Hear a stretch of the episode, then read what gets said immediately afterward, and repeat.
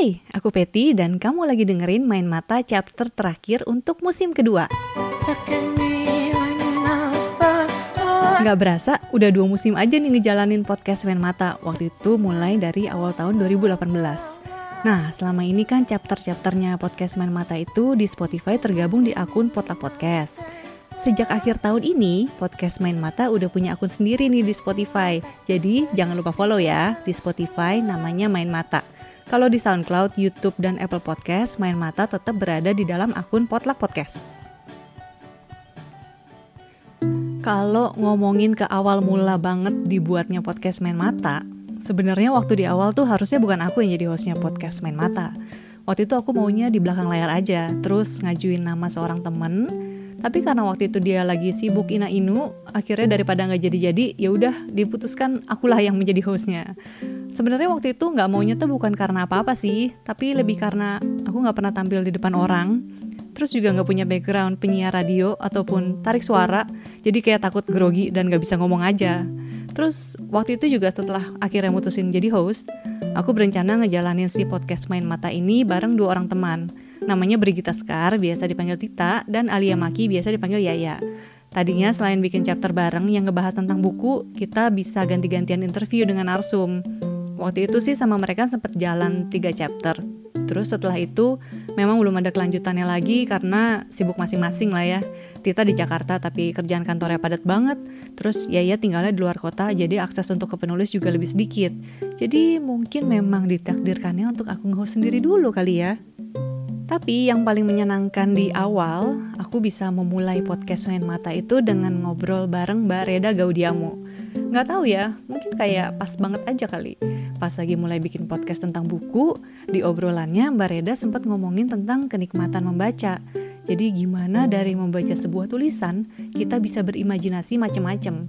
Salah satunya dari pengalaman orang tentang tulisan Mbak Reda sendiri yang ini nih. Tadinya saya kebayang untuk memberikan deskripsi dan narasi seperti pada umumnya cerita, tapi terus saya pikir kenapa ya saya nggak memberikan kebebasan menggambarkan hmm. si tokoh itu hmm. pada si pembaca. Hmm. Karena setiap pembaca pasti punya gambaran sendiri ketika dia membaca sepotong cerita di situ.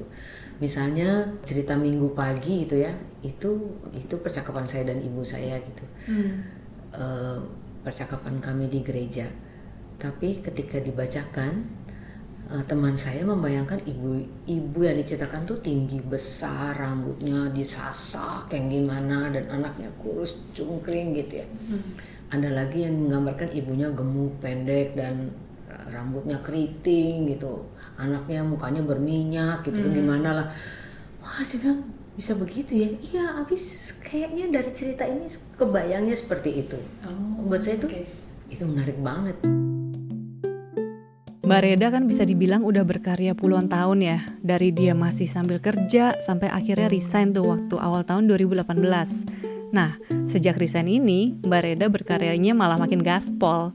2018-2019 ini kalau kamu perhatiin Mbak Reda aktif banget. Dia ada di acara literasi banyak banget baik di dalam dan luar negeri. Jadi kalau ngelihat Mbak Reda aku tuh jadi berpikir gak boleh ngaku capek. Kalau aktivitas lo belum sebanyak dia apalagi si podcast main mata ini kalau di total-total selama dua musim ini kira-kira berhasil bikin 30 chapter. Nah, kalau dihitung-hitung, sebenarnya 30 chapter itu dikit juga sih untuk 2 tahun. Itu berarti kan kayak hampir sebulan satu kali doang, dan ada beberapa yang dua kali. Jadi sebenarnya masih sedikit banget. Dari 30 chapter itu, ada 14 chapter yang fokus ke ngobrol dengan pelaku di dunia buku. Sebagian besar itu penulis dan genre buku yang ditulis cukup bermacam-macam. Misalnya di musim pertama ada dengan Mbak Reda Gaudiamo, terus ada juga dengan Martin Aleida yang fokus terhadap peristiwa 65 baik di cerita fiksi maupun non-fiksi.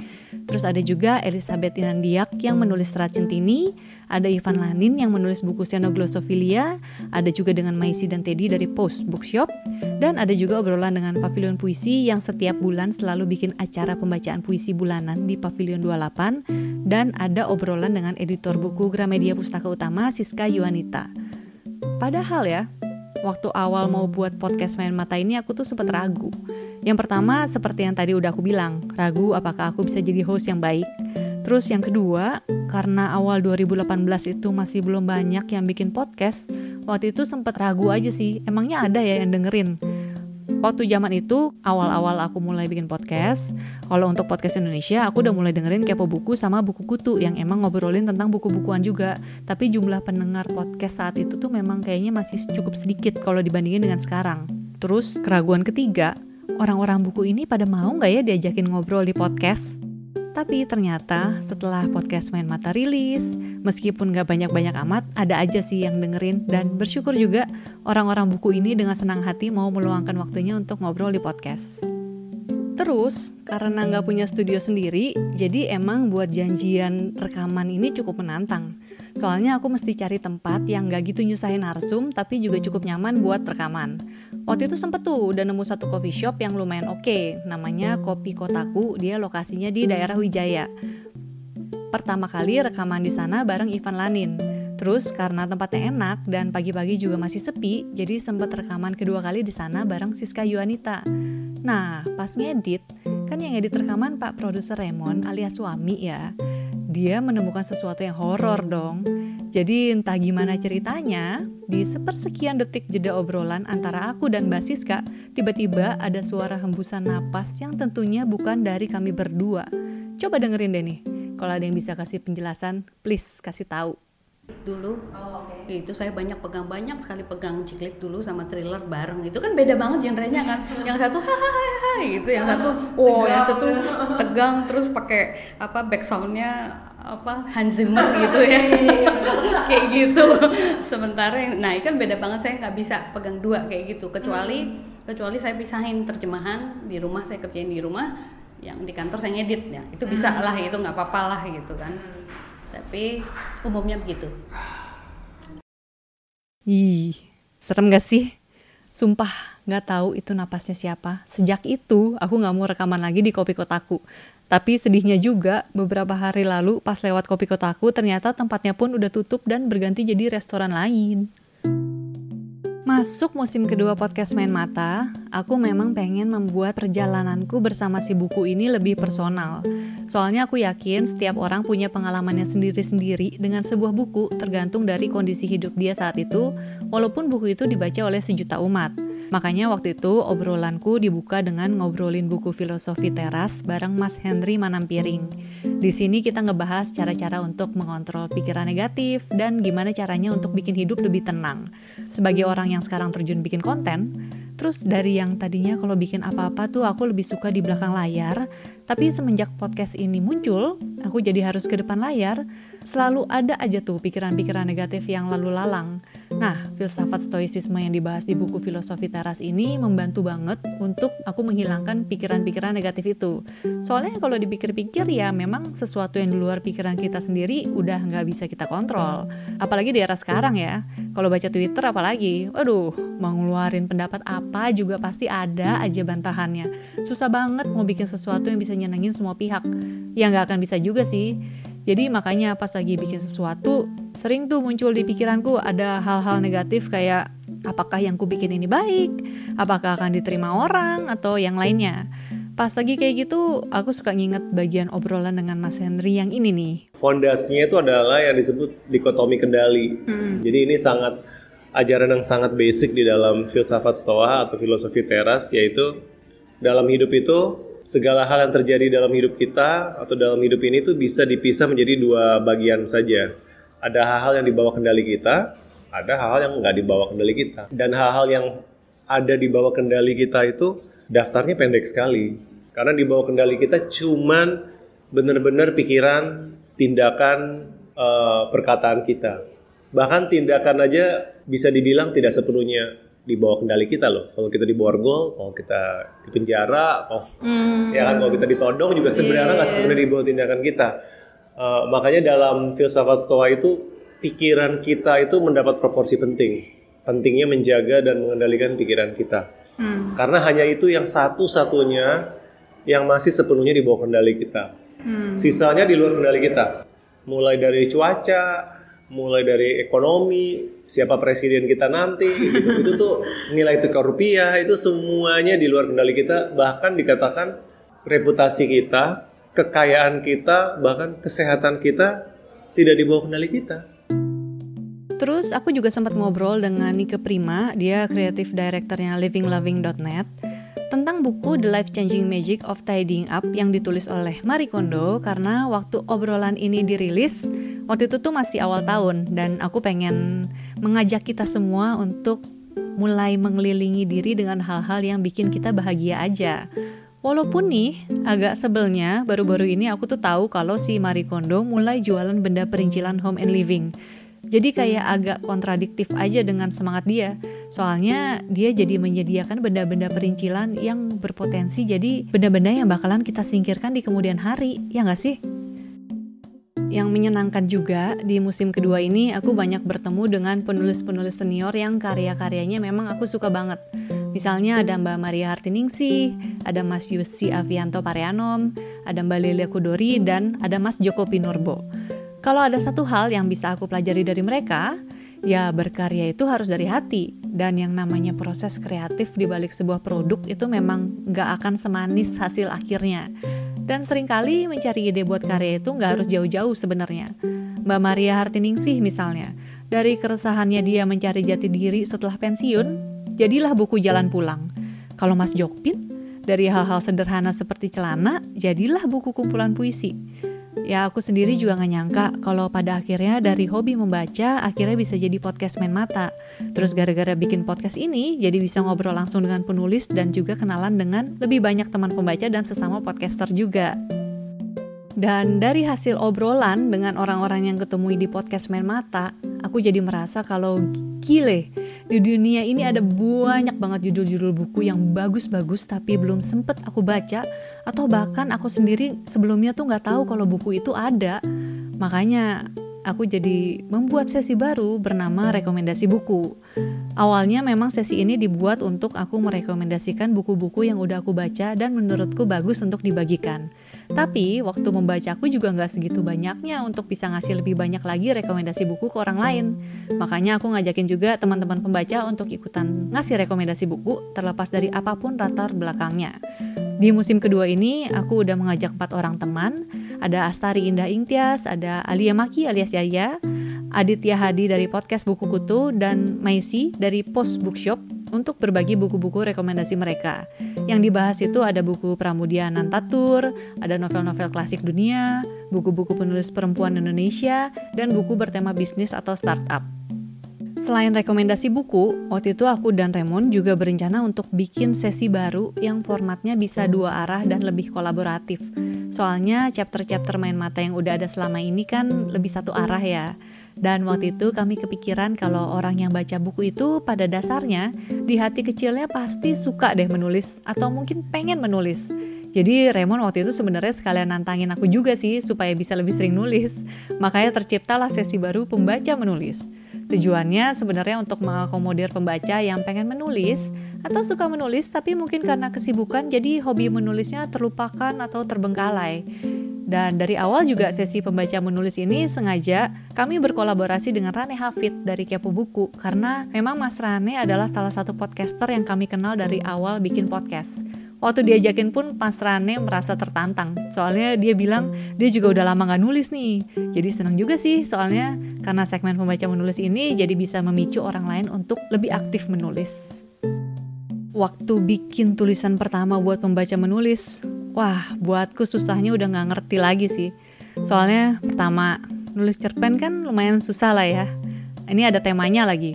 Terus yang kedua harus dibacain karena mau dirilis dalam format audio. Yang ketiga, ya dirilis dan didengerin oleh orang lain. Itu proses ambil suara buat cerpennya lama banget sih, take-nya berkali-kali. Dan pada dasarnya suaraku kan cukup datar. Sementara untuk si cerpen pembaca menulis ini aku harus membawakan cerita dengan intonasi yang bermacam-macam karena ada beberapa tokoh di dalam ceritanya. Susah banget tapi begitu akhirnya berhasil dan dirilis, rasanya jadi pengen bikin yang lebih bagus lagi untuk pembaca menulis berikutnya. By the way, pembaca menulis sudah masuk tema ketiga loh. Ikutan yuk, dengerin sampai akhir ya untuk info lengkap tentang pembaca menulis ketiga. Terus nih, waktu itu masuk tengah tahun 2019 ngejalanin podcast Main Mata, mulai ada mau lagi. Jadi kepikiran untuk bikin acara off air Main Mata, soalnya pengen bisa ketemu muka dengan teman-teman pembaca. Awalnya sih sempat kepikirannya buat bikin book club, Tapi setelah dipikir-pikir lagi, kalau misalnya bikin book club dan ngebahas satu buku tertentu, nanti yang datang mungkin nggak begitu beragam. Sementara pengennya aku lewat acara air ini bisa kenalan dengan sebanyak-banyaknya teman pembaca. Dan terus berangkat dari sesi rekomendasi buku, akhirnya kepikiranlah ide acara dengan format tukar buku bernama Tukar Tambah.